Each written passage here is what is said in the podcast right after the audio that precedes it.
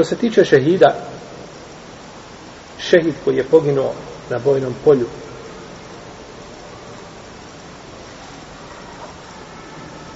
on se ne kupa. Kaže Džabir radijallahu anhu, poslanik sallallahu alejhi ve sakupljao šehide Uhuda pa bi stavljao u jedan kabor i govorio bi koji zna više Kur'ana na pamet. Pa kada bi mu se pokazalo na jednom na jednog od dvojice, stavio bi ga prvo u lehet Znači u onu dubinu koja se ukopa unutar kabura. Ćemo vidjeti kada budemo govorili o ukopu. Mejta, da se mejt, znači da je sunne da se ukopa lehed. To je jedna udubina od koje su danas kod nas ostali tragovi u nekim mjestima, a u nekim nema ih nikako, da se malo ovaj a, strana kabura, lijeva strana kabura vide mejt, da bi došao na desnu stranu da se malo podkopa. Međutim, to je sunet da se napravi unutra jedna udubina, gdje se u potpunosti mejt stavi, pa kada bi gledali od ozgo sa vrha kabura s te strane, ne biste možda nikako mejta ni, ni vidjeli.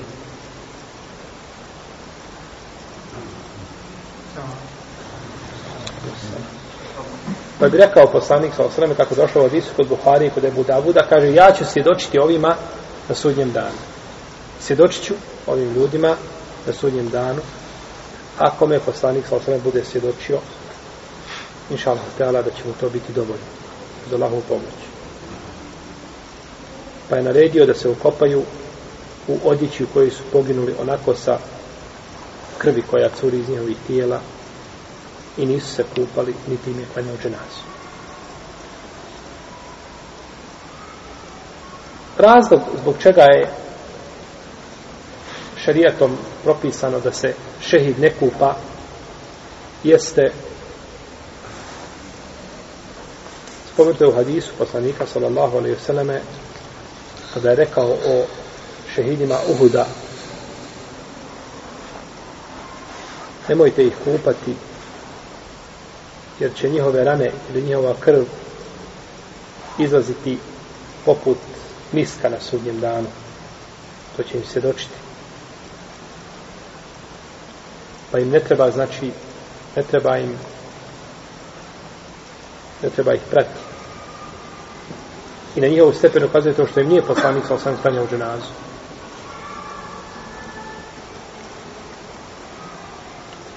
Znači šehid koji se ne kupa je šehid koji pogine u borbi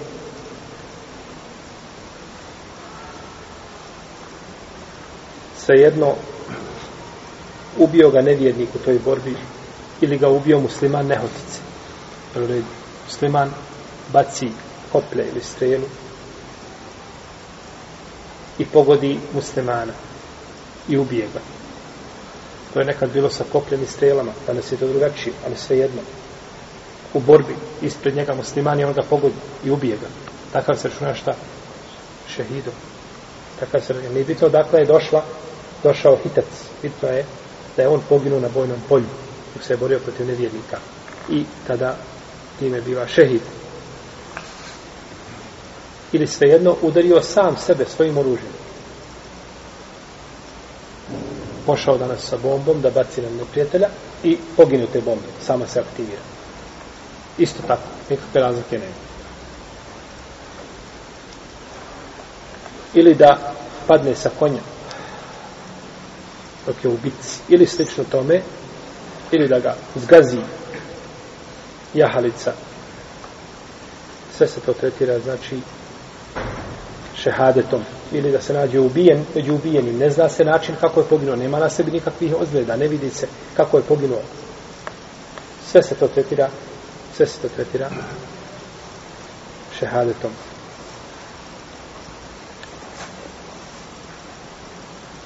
I svejedno poginuo odmah ili nakon vremena dok traje šta? Bitka.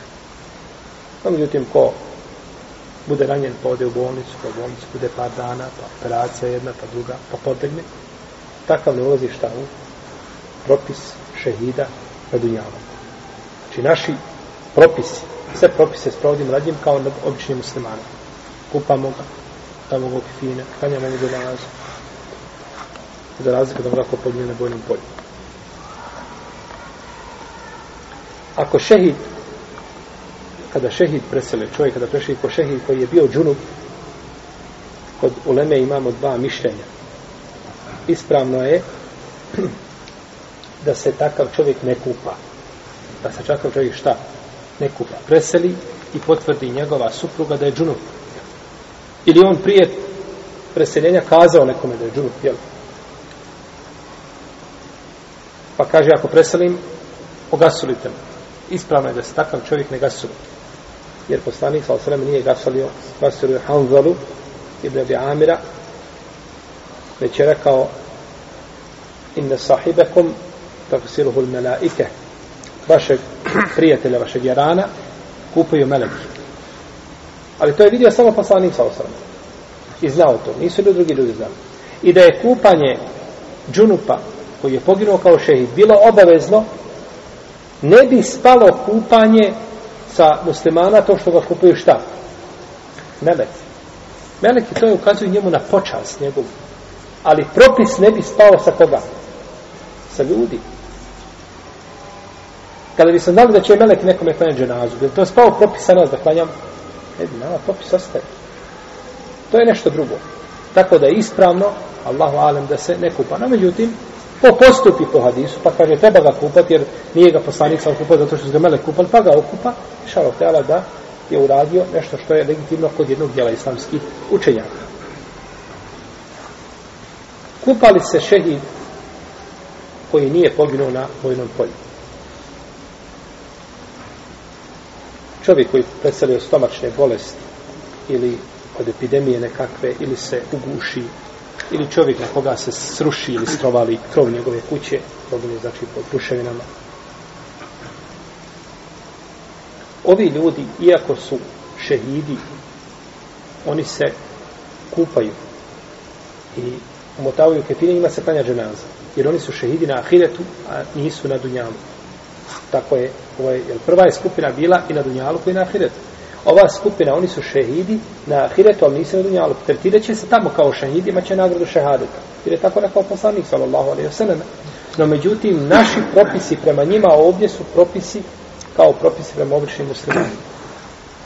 I to je druga skupina šehida koji su drugi po redu. Imate treću skupinu šehida koji su najgori, a to su šehidi koji su šehidi na dunjalu, pa nisu na ahiretu.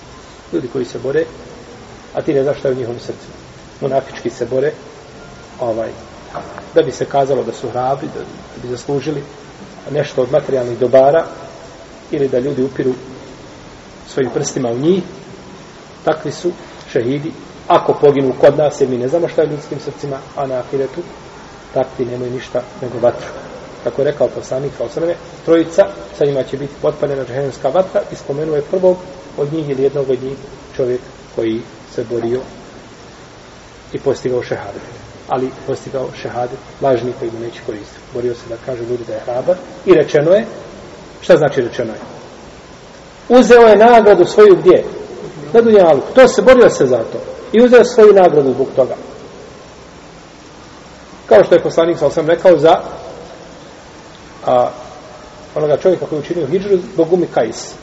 Rekao je, femen kanet hijđretuhu, li dunja yusibuha au imraetin jenkihuha fe hijretuhu ila ma hajara ilay čija hijra bude zbog dunjalu kada bi nešto dobio ili ženu da oženi pa njegova hijra zbog toga što učini. Jer jedan čovjek otišao kaže se da je otišao u hijđu zbog žene da bi oženio. Ona otišla i on za njom da je oženi. Pa je rekao poslanik Salhem, a čija hijra bude zbog dunjaluka ili zbog žene pa ima nagradu zbog čega učinio hijđu Tako i čovjek koji se borio, da se kaže da je hrabar, reći će se hrabar. I rečeno je hrabar. I ljudi su pričali o tome i tu se sve završava što se tiče njega. A na sudnjem danu ima posebnu, posebnu kaznu. Znači, kod većine islamskih učenjaka, ovi ljudi koji su poginuli i koji se piriju šehidima, ali nisu poginuli na bojnom polju, oni nemaju propis šehida u smislu čega? Kupanja, umotavanja opetine i klanjanja banjaze, i to je stav džumfura u nemu ili većine sam slučaja.